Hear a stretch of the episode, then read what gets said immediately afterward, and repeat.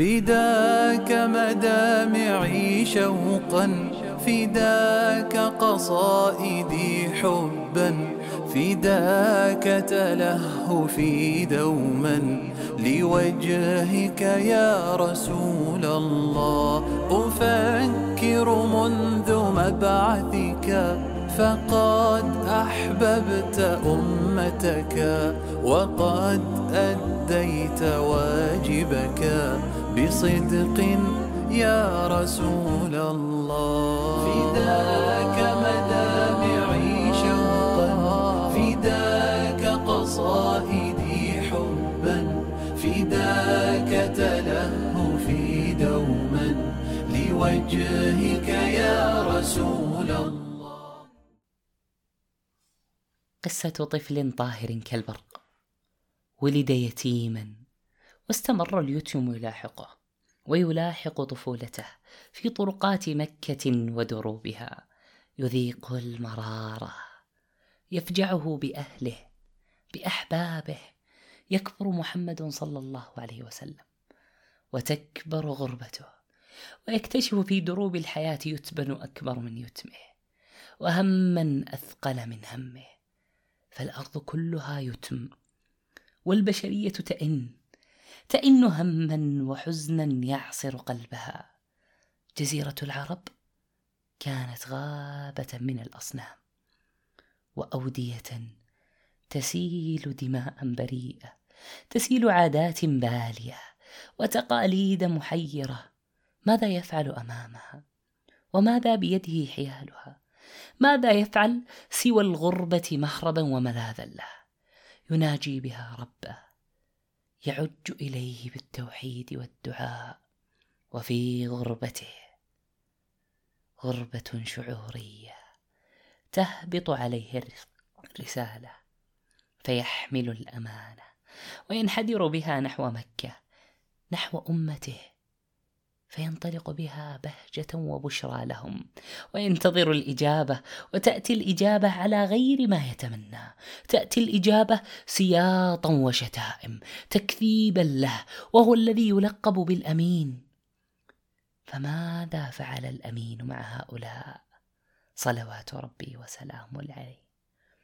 الإجابة كانت أكثر من خمسين عاما من فن التعامل مع الغير. نقشها صلى الله عليه وسلم في قلوب من حوله وقلوب غيرهم ممن دب على هذه الأرض إلى قيام الساعة. الإجابة سيرة لم تكن ماضيا أبدا بل شعلة توقد شموس الحياة ودماء تتدفق في عروق المستقبل والأجيال. سيرته صلى الله عليه وسلم في مكة هي واقع لأزمات أزمات تهز أركان الأرض من أقصاها إلى أقصاها ولا بد لهذه الأزمة من أن تشرب من النبع الذي شربت منه. نحاول في هذه السيرة أن نبسط ما أمكن وأن نجعل هذه الأحداث سهلة في متناول الجميع بعيدا عن التعقيد أو التفريع.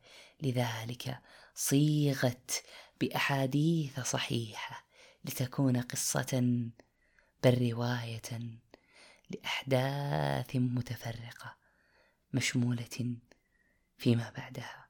ونرجو الله أن يبارك لنا فيما طرحنا وأن يمن علينا بالخير والبركات.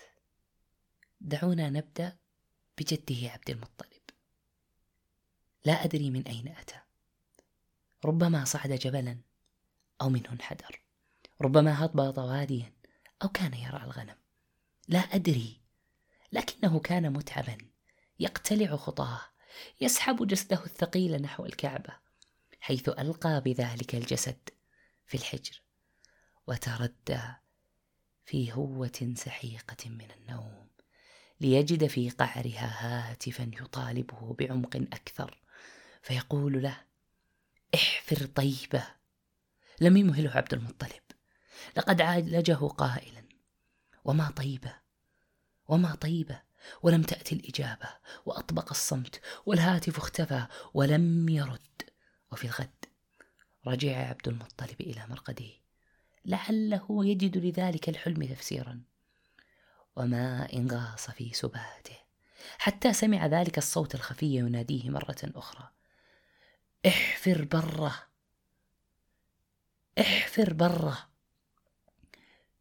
فعاجله عبد المطلب. قال له وما برة؟ ثم ذهب عنه. فلما كان من الغد رجع إلى مضجعه فنام. فجاءه قال احفر زمزم. قال عبد المطلب وما زمزم؟ قال لا تترف ابدا ولا تذم تسقي الحجيج الأعظم وهي بين الفرث والدم عند نقرة الغراب الأعصم عند قرية النمل. فلما بين لعبد المطلب شأنها ودل على موضعها وعرف أنه قد صدق غدا بمعوله ومعه ابنه الحارث بن عبد المطلب وليس له يومئذ وليد غيره. فحفر فيها. فلما بدا لعبد المطلب الطين كبر. فعرفت قريش أنه قد أدرك حاجته فقاموا إليه فقالوا يا عبد المطلب إنها بئر أبينا إسماعيل وإن لنا حقا فيها فأشركنا معك. فقال عبد المطلب ما أنا بفاعل. إن هذا الأمر قد خصصت به دونكم وأعطيته من بينكم. فقالوا أنصفنا. فإنا غير تاركيك حتى نخاصمك فيها. قال عبد المطلب فاجعلوا بيني وبينكم من شئتم أحاكمكم إليه. قال كانت قالوا كانت بني سعد. فنذهب بهم فقال عبد المطلب نعم نذهب إلى كهنة بني سعد. وكانت هذه الكهنة بأشراف الشام. فركب عبد المطلب ومعه نفر من بني أمية وركب من كل قبيلة من قريش نفر. فخرجوا والأرض إذ ذلك مفاز. والمفاز معناتها مهلكة أرض مهلكة صحراء قاحلة. حتى إذا كانوا ببعضها وصلوا وسط الماء المفاز وسط الصحراء نفذ ماء عبد المطلب وأصحابه فعطشوا حتى استيقنوا بالمهلكة فاستسقوا من معهم فأبوا عليهم. يطلبون منهم الماء فأبوا عليهم وقالوا إنا بمفاز وإنا نخشى على أنفسنا مثل ما أصابكم كما أن الماء خلص منكم فإنا نخاف أن يخلص منا.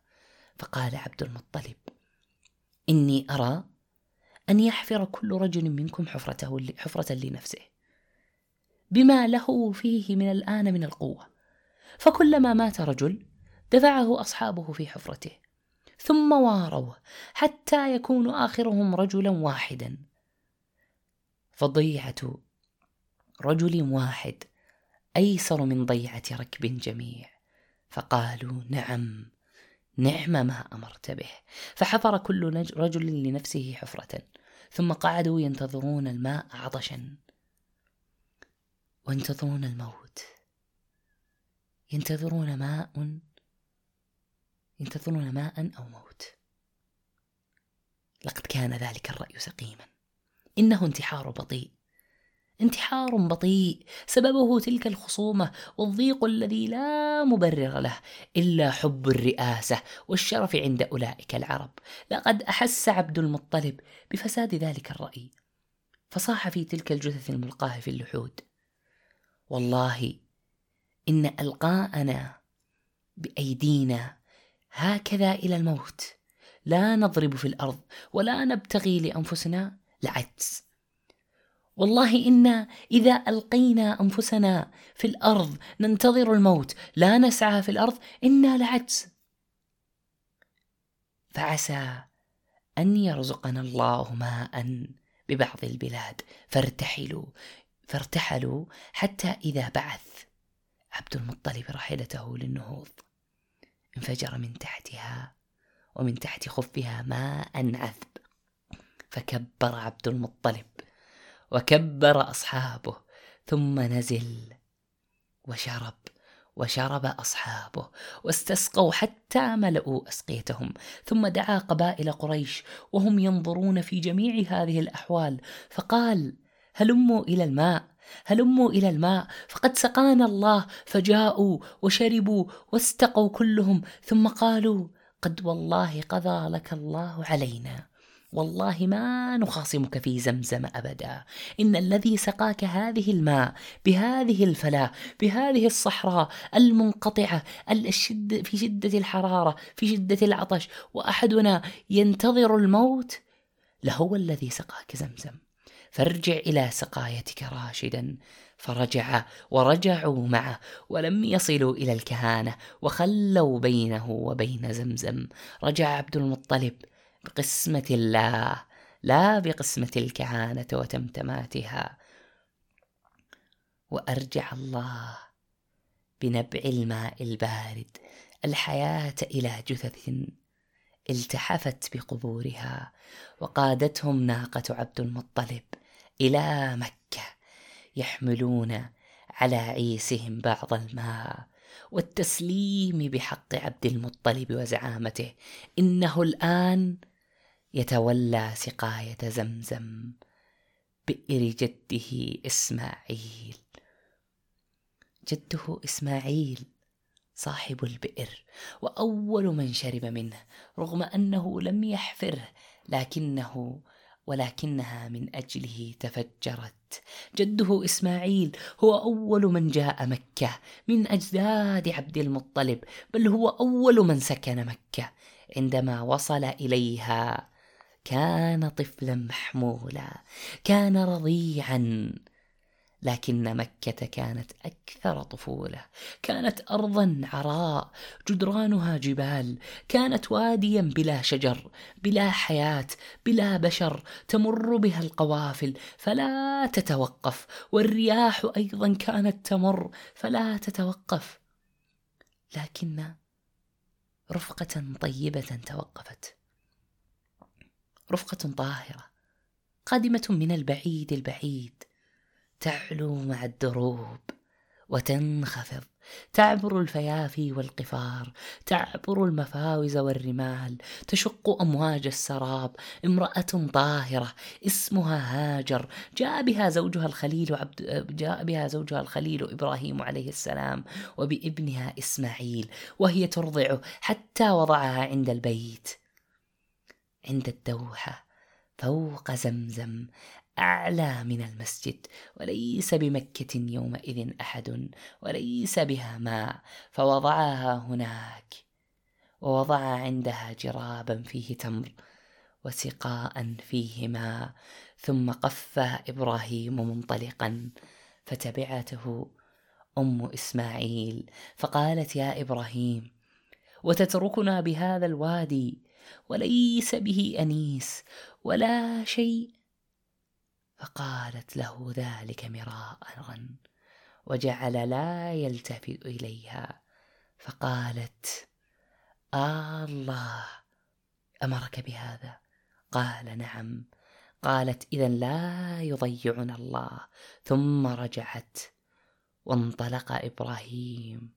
حتى فانطلق إبراهيم حتى قال ورفع يديه ربي إني أسكنت من ذريتي بواد غير ذي زرع عند بيتك المحرم. ربنا ليقيموا الصلاة فاجعل أفئدة من الناس تهوي إليهم وارزقهم من الثمرات لعلهم لعلهم يشكرون. وجعلت أم إسماعيل ترضع إسماعيل وتشرب من ذلك الماء حتى إذا نفذ ما في السقاء عطشت وعطش ابنها وجعلت تنظر إليه يتلوى يتلوى يتلبط فانطلقت كارهة.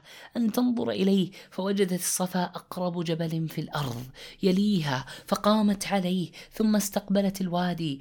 تنظر هل ترى أحد؟ هل ترى أحد؟ فهبطت من الصفا حتى بلغت بطن الوادي. ثم رفعت درعها. ثم سعيت سعي, الإنس سعي الإنسان المجهود حتى جاوزت الوادي. ثم أتت المروة فقامت عليه ونظرت هل ترى أحد؟ هل ترى أحد فعل ذلك سبعا؟ فقال النبي صلى الله عليه وسلم فلذلك السعي بينهما ولذلك فلذلك سعي الناس سعى الناس بينهما. فلما أشرفت على المروة سمعت صوتا يقال ويقول صهن! فإذا هي بالملك عند موضع زمزم. فبث بعقبه أو جناحه. حتى ظهر الماء. فجعلت تحوضه أي تجمعه تجمعه وهي تقول بيدها هكذا وجعلت تغرف من الماء في سقائها وهو يفور بعدما تغرف. فجعلت فجعلت تقول يعني تحاول أن تجمع حتى لا يضيع فقال النبي صلى الله عليه وسلم في تلك القصة يرحم الله أم إسماعيل. لو تركت زمزم لم لو لم تركت زمزم لو لم تغرف من الماء لكانت زمزم عينا معينا. فشربت وأرضعت ولولدها أرضعت وأطعمت من ولدها. رحم الله أم إسماعيل عليها السلام. دعونا نترك حدث هاجر عليه السلام أم إسماعيل. وننطلق إلى عبد المطلب وهو يتلفت إلى الناس. فوجد الناس يحبونه يجلونه يحملونه في قلوبهم. تلفت ثانية تلفت ثالثة. لم يجد وراءه إلا ابنه عبد ابن الحارث. فرفع رأسه إلى السماء. يخاطب خالقه الكريم. الذي ساق له المجد أن يقر عينه بإخوة للحارث وظل يدعو ويدعو يخاطب الناس حوله ويشهدهم يقول لهم قد نذرت إن توافى لي عشرة رهط إن توافى لي عشرة رهط أن ينحر أحدهما فحقق الله مراده ولما توافى العشرة أقرع بينهما أيهم ينحر. فطارت القرعة على والد النبي صلى الله عليه وسلم عبد الله بن عبد المطلب. وكان من أحب الناس إلى عبد المطلب ومن أحب أولاده. فقال عبد الله عبد المطلب اللهم هو أو مئة من الإبل ثم أقرع بينهما وبين الإبل فطارت القرعة على مئة من الإبل. إن الله يعطي بلا ثمن. يرزق من يشاء بغير حساب. ليس بحاجز لدماء ذلك الطفل الصغير لكن والده شدد فشدد الله عليه. فلا تشدد على نفسك لكي لا يشدد الله عليك. فأصابه بأغلى ولده فلم ينجه من ورطته إلا مئة من الإبل.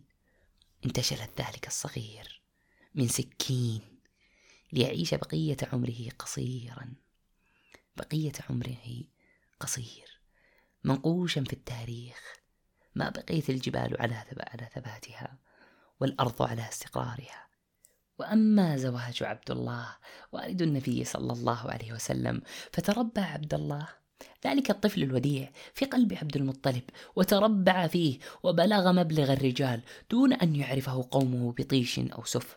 كان به هدوء كثير الصمت مليئا بالانتظار ليس في حياته ما يثيره. كان كالعالم من حوله ينتظر وينتظر يبحث عن زوجة له في بيوتات مكة يسأل فكانت آمنة بنت وهب بن عبد مناف هي الحبيبة وهي الإجابة تزوجا.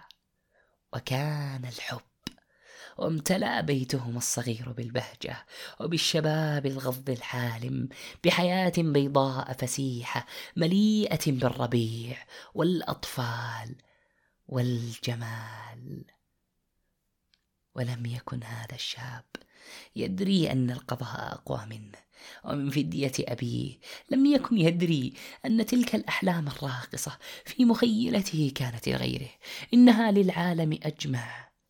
أما هو فتوشك أن تدلف بيتها الصغير سحابة سوداء مشبعة بالحزن والدموع والنواح فعبد الله الذي فر من الموت بمئة من الإبل يسعى إلى حياضها على واحد منها. امتطى راحلته وتوجه نحو يثرب حيث كان, حيث كان الموت في انتظاره ليسكنه في إحدى مقابرها. بعيدا عن عبد المطلب. بعيدا عن مكة. بعيدا عن آملة الحزينة الذي كانت تحمل أمانة عبد الله وأحلام عبد الله جنينا يتيما قبل أن يرى الدنيا. كانت مكة تتساءل أحقا مات عبد الله؟ أحقا مات عبد الله. كأني بعبد المطلب والفاجعة أفقدته صوابه. يسأل القادمين من يثرب فردا فردا. يتعرض القوافل يتعلق بأعزمة مطاويهم. عله يسمع تكذيبا لما سمع. عل أحد المسافرين يصيح في وجهه فيقول أبشر فعبد الله لم يمت لم يمت. ما زال حيا هو قادم إليك. لكن صمت القوافل. كان يحمل أنفاسا. يحمل أنفاس عبد المطلب. ويحمل أنفاس عبد الله الأخيرة. تودع هذه الدنيا. تودع عبد المطلب. لينثني ذلك الشيخ الكظيم طاويا حرقته. بين أضلاعه. يحاول دفع ما به من حزن. فتفضحه عيناه. أمام آمنة المفجوعة فتبكي حبيبها الذي قبض بعيدا عنها وفارقها في وقت كانت تحترق لعودته تشتاق لرجوعه محملا بالحب والهدايا وحكايات السفر الحيرة والوجوم. يملآن مكة لهفة على عبد الله. لكن ذلك لم يكن دم طويلا. فقد جاء الفيل يمزق السكون. لم يطم ذلك لم يدم ذلك اللجوم في مكة. فسرعان ما تفجر الخوف في جبالها وانتفضت بطحاؤها هلعا. فمكة اليوم تئن تحت أقدام فيل مخيف.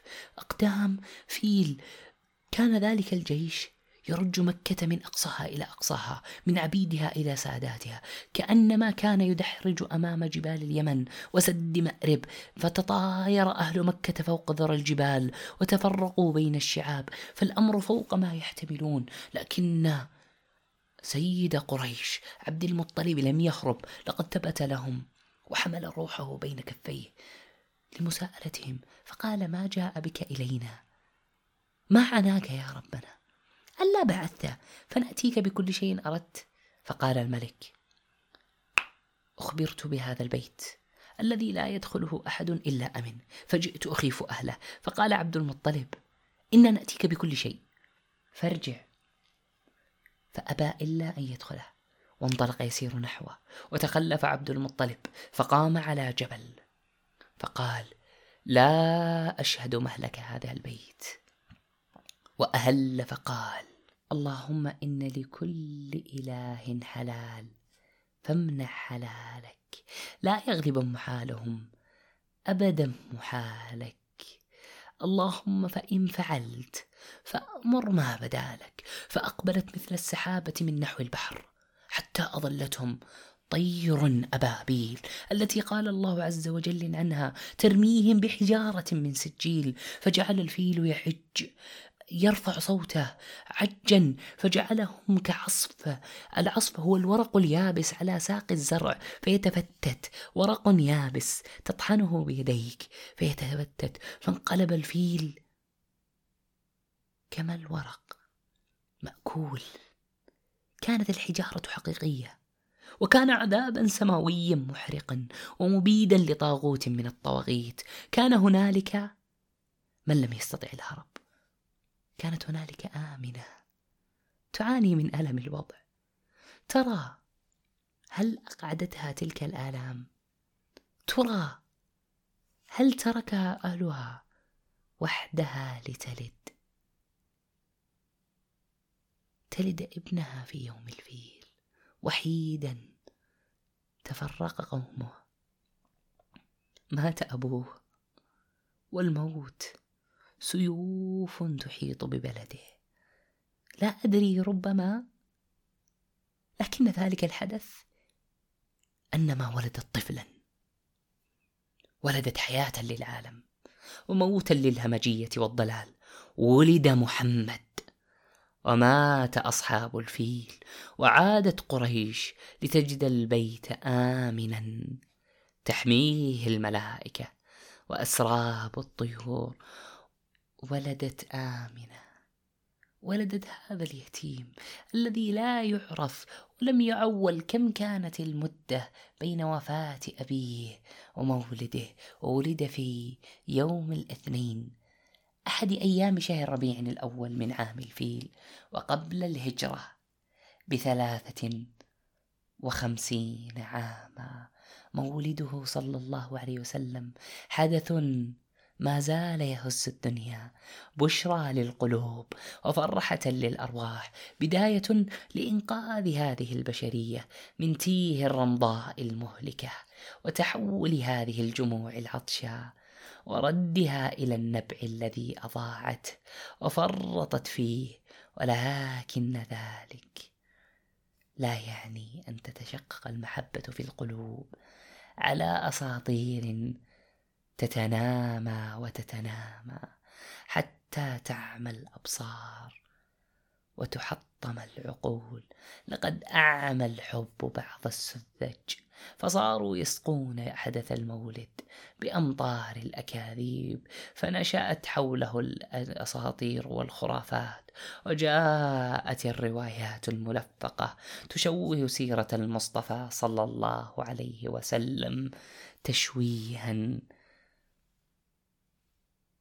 مغيرا لمعنى سيرته صلى الله عليه وسلم. والأساطير المختلفة تنحدر منها البدع وينحدر منها العفن فتشوه ذلك النبع وتلك العقيدة التي تركها صلى الله عليه وسلم صافية مثل البيضاء. إن تلك الغيوم الأسطورية لم تستطع أن تحجب شمس الحقيقة فلقد بقت الأحداث الحقيقية كما هي دون تحريف دون مساس وكان منها طلوع نجم أحمد. هناك رآه بعض المنتظرين بشوق هناك في يثرب حيث يرقد عبد الله تحت أطباق الثرى وقف رجل يتأمل السماء يتأمل النجوم. كان يهوديا وربما كان فلكيا. صرخ الرجل بقومه قائلا يا معشر اليهود يا معشر اليهود. فاجتمعوا إليه فقالوا ويلك ما لك طلع. قال طلع نجم أحمد الذي ولد به في هذه الليلة. كانت تلك الصرخة تتلاشى بين النجوم. كادت أن تختفي في سراديب اليهود المظلمة لولا وجود طفل في السابعة أو الثامنة من عمره. سقاه الله إليه وساقه إليها وساقته أقدامه إلى موقع الحدث لينقله لنا بعد أن كبر وشاخ ذلك الغلام. هو مبدع الإسلام وشاعره حسان بن ثابت. رضي الله عنه. إذ اليهود كان لديهم علم بمخرج بمخرج النبي صلى الله عليه وسلم وكانوا يعرفون تاريخ مولده مقرونا بحدث فلكي يظهر في السماء. ولم يكن هذا اليهودي هو الوحيد الذي رأى هذا النجم ففي مكة رجل حيران يقال له زيد بن عمرو بن نوفل كان يحدق في الأصنام يتأملها وهي منصوبة فوق بيت الله فلا تزيده الأيام إلا اقتناعا بتفاهاتها وتخلف عقول أتباعها وعابديها إنها في نظره لا تعدو كونها حجارة صماء بكماء خرساء لا تقدم ولا تؤخر ضاقت بها مكة وضاق بها. وضاق زيد أيضا فبحث له عن فسحة بين الفيافي والبطاح يتنفس فيها الحرية والتوحيد يبحث عن الحقيقة يفتش عنها يدور صومعة للعبادة يدور صومع صوامع الرهبان يسأل ويسأل ولا يكف عن السؤال حتى قذف به الطريق بين يدي حبر من أهل الشام فأمره بالعودة إلى مكة وقال له قد خرج في بلدك نبي أو هو خارج قد خرج نجمه. فارجع وصدقه واتبعه وهذا زيد بن ثابت يحدثنا. فيقول كان أحبار يهود بني قريظة والنظير يذكرون صفة النبي صلى الله عليه وسلم. فلما طلع الكوكب الأحمر أخبروا أنه نبي وأنه لا نبي بعده. واسمه أحمد. وأما تسميته فقبل عبد الله وقبل عبد المطلب وقبل مئات السنين كان هذا المولود حروفا وحدا يتلفظ به الأنبياء ويصون به أممهم ويبشرونهم به. عيسى بن مريم جاء إلى خراف بني إسرائيل الضالة ليهديهم فيقول يا بني إسرائيل كما في القرآن يا بني إسرائيل إني رسول الله إليكم. مصدق لما بين يدي من التوراة ومبشرا برسول يأتي من بعد اسمه أحمد. عيسى بن مريم يذكره لي لخراف بني إسرائيل.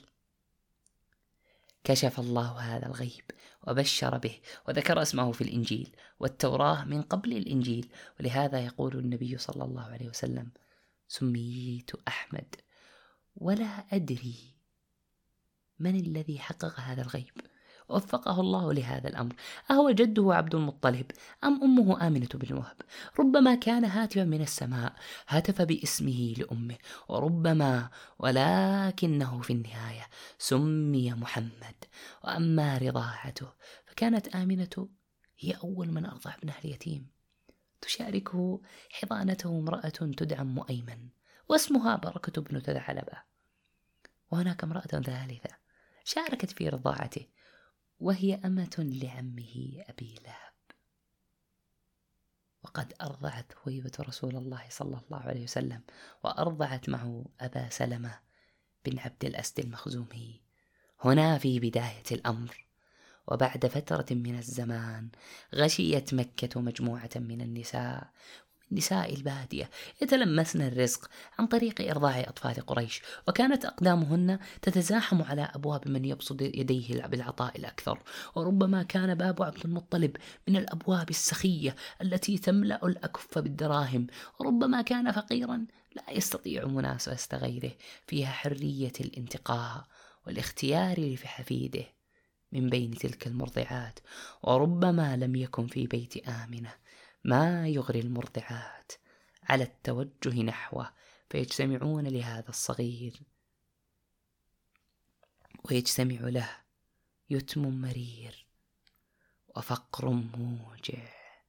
اجتمع على محمد شيئان فقر ويتم. وأخيرا استقر محمد اليتيم في أحضان حليمة السعدية شغفها حبا. وحملته على راحلتها ليسترضع في مضارب بني سعد بن بكر قوم حليمة وأهلها.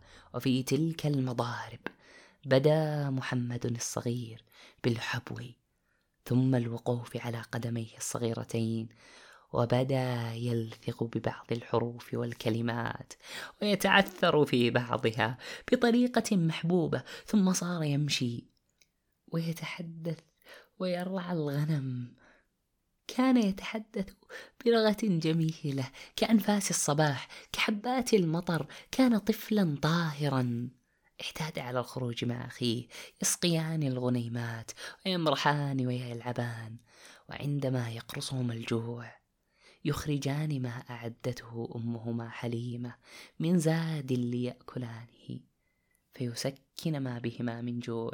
كانت أيام تشع بالبراءة والجمال والبهجة ولم يعكر صفوها سوى صراخ أخيه الصغير ذات يوم قائلا إن محمدا قد قتل. فما الذي حدث؟ ولماذا يقتل طفل صغير؟ من الذي يستطيع اغتيال تلك البراءة في مرعى الغنم الأخضر؟ ما حدث هو أن الصباح أيقظ الطفلين فخرجا من الخبا خلف أغنامهما ولم يذكر أنهما بلا زاد إلا عند وصولهما إلى المرعى وهناك التفت محمد الصغير صلى الله عليه وسلم إلى أخيه فقال لأخيه يا أخي اذهب فأتنا بزاد, بزاد من عند أمنا. فانطلق أخوه ومكث محمد عند البهم. فأصبح محمد صلى الله عليه وسلم بين البهم وحيدا في الصحراء. فهل حدث له شيء؟ هل حدث له شيء؟ نعم. شق صدره. لقد جرى لهذا اليتيم شيئا لا يجري لغيره. دعونا نستمع إلى النبي صلى الله عليه وسلم وهو يحدثنا يقول يقول فبينما أنا في بهم لنا. أتانا رجلان عليهما ثياب بيض معهما طست من ذهب مملوء بثلج فأضجعاني فشقا بطني. ثم استخرجا قلبي فشقاه ثم أخرجا منه علقة سوداء فألقياها ثم غسل قلبي وبطني بذلك الثلج حتى إذا أنقياه. رداه كما كان ثم قال أحدهما لصاحبه زنه بعشرة من أمته. فوزنني فوزنتهم ثم قال زله زئنه بمئة من أمته. فوزنني فوزنته ثم قال زنه بألف من أمته. فوزنني فوزنتهم فقال دعه عنك لو وزنته بأمته كلها لوزنهم. لقد شق صدر هذا الصغير بين غنيماته بينما هو ينظر ما يفعله هذان الملكان به. لقد أرى النبي صلى الله عليه وسلم بعد النبوة موضع شق صدره إلى الصحابة وهذا إن دل دل على أن هذه الحادثة حقيقة مادية كانت الطريقة التي تمت بها. فوق إمكانيات البشر وطاقتهم وتصوراتهم. يقول أنس رضي الله عنه إن رسول الله صلى الله عليه وسلم أتاه جبريل وهو يلعب مع الغلمان فأخذه فصرعه فشق عن قلبه فاستخرج القلب فاستخرج منه علقة. فقال هذا حظ الشيطان منك. ثم غسله في طست من ذهب بماء زمزم ثم لأمه فغدا الصبيان والأطفال يركضون إلى أمه. إن محمدا قد قتل إن محمدا قد قتل فاستقبلوه وهو منتقع اللون متغير اللون. هذا ما حدث لمحمد الصغير صلى الله عليه وسلم. ولقد ازداد إعجاب بعض الناس بهذه الحادثة فصاروا يلفقون حولها الأكاذيب كما شطحوا كثير والكثير من الفرق الضالة في التأليف حول هذه القصة. وبعد مدة من الزمان خافت حليمة وأعادت محمدا الصغير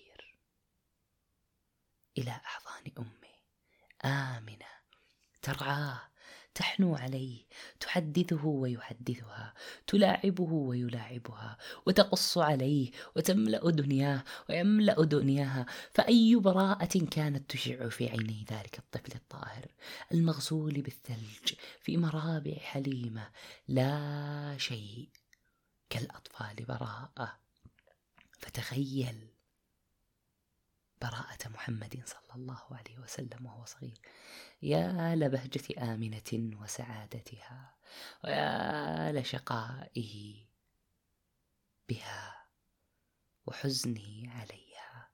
بعد أن أخذته معها متجهة به نحو أخلاله في يثرب. أخوال النبي صلى الله عليه وسلم في يثرب. يقضي معهم وقتا ممتعا.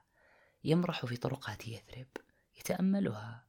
كأنه يقول انتظريني يا يثرب فسأعود لأضع لك اسما جميلا خالدا كجمال التوحيد وخلوده.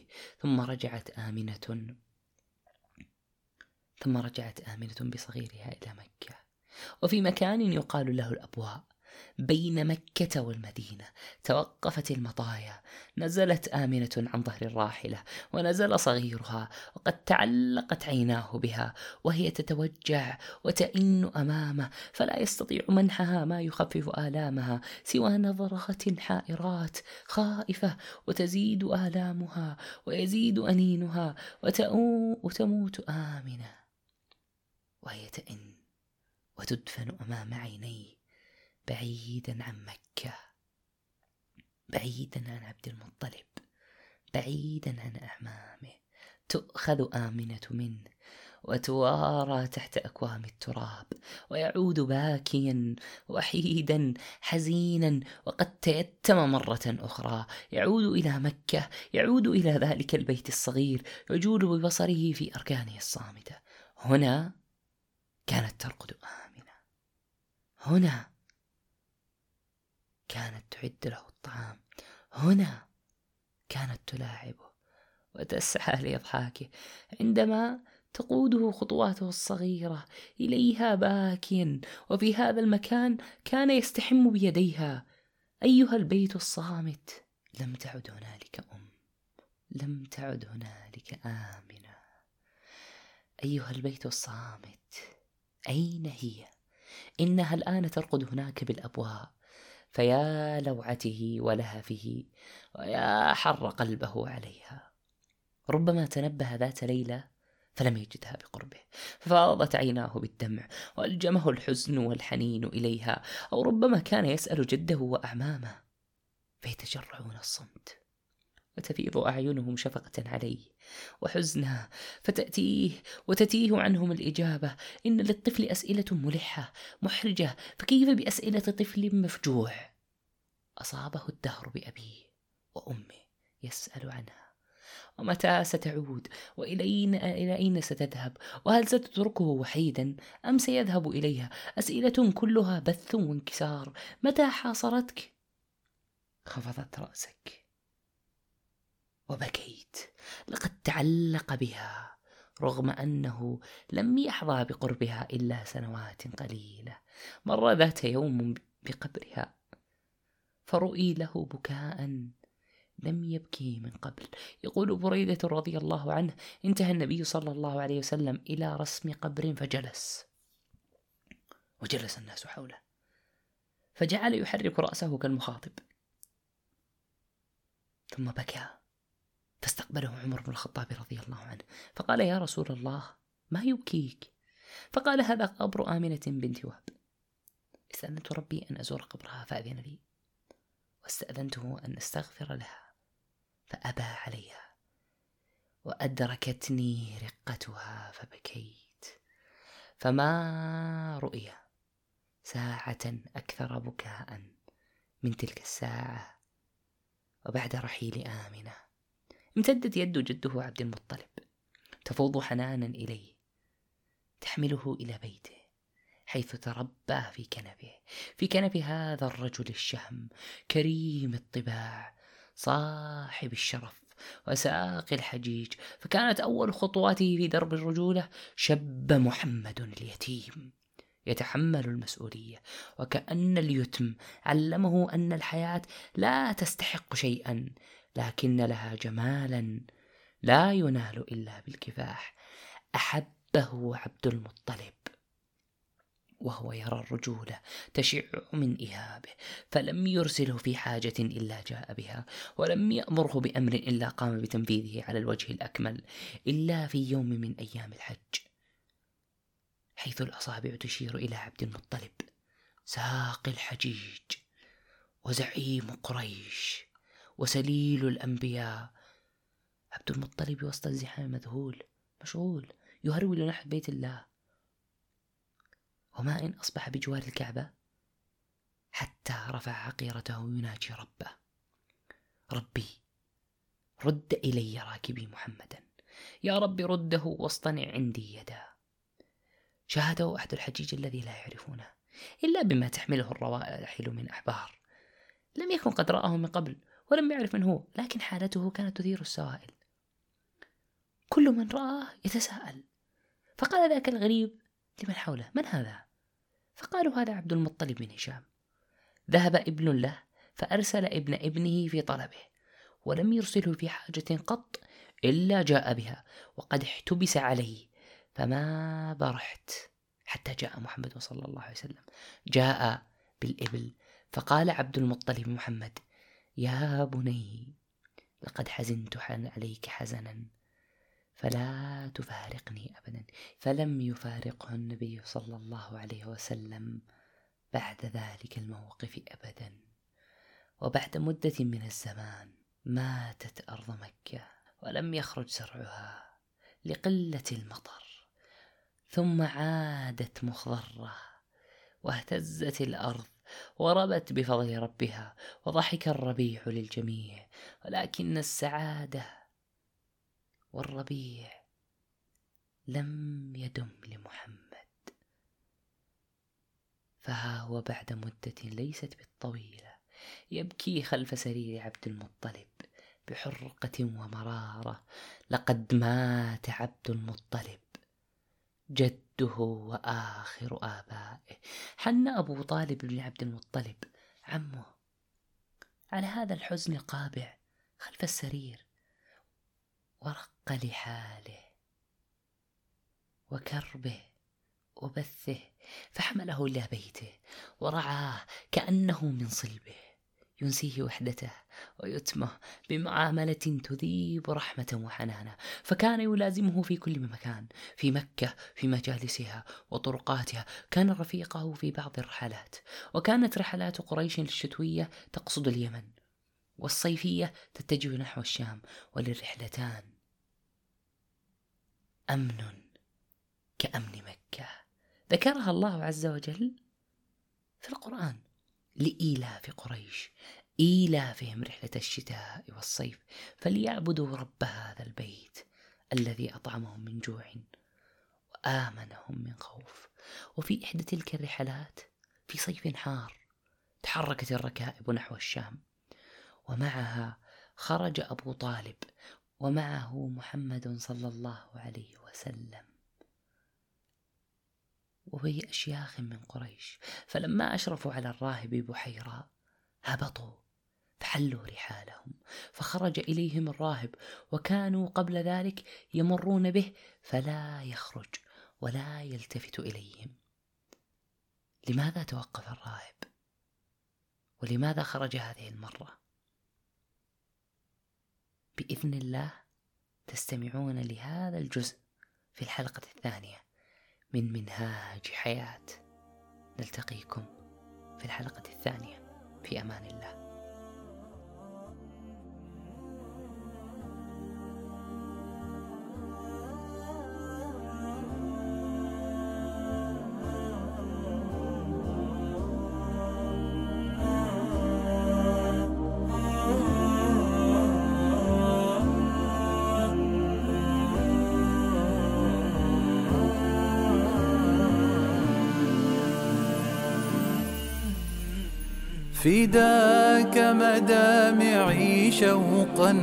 فداك قصائدي حبا فداك تلهفي دوما.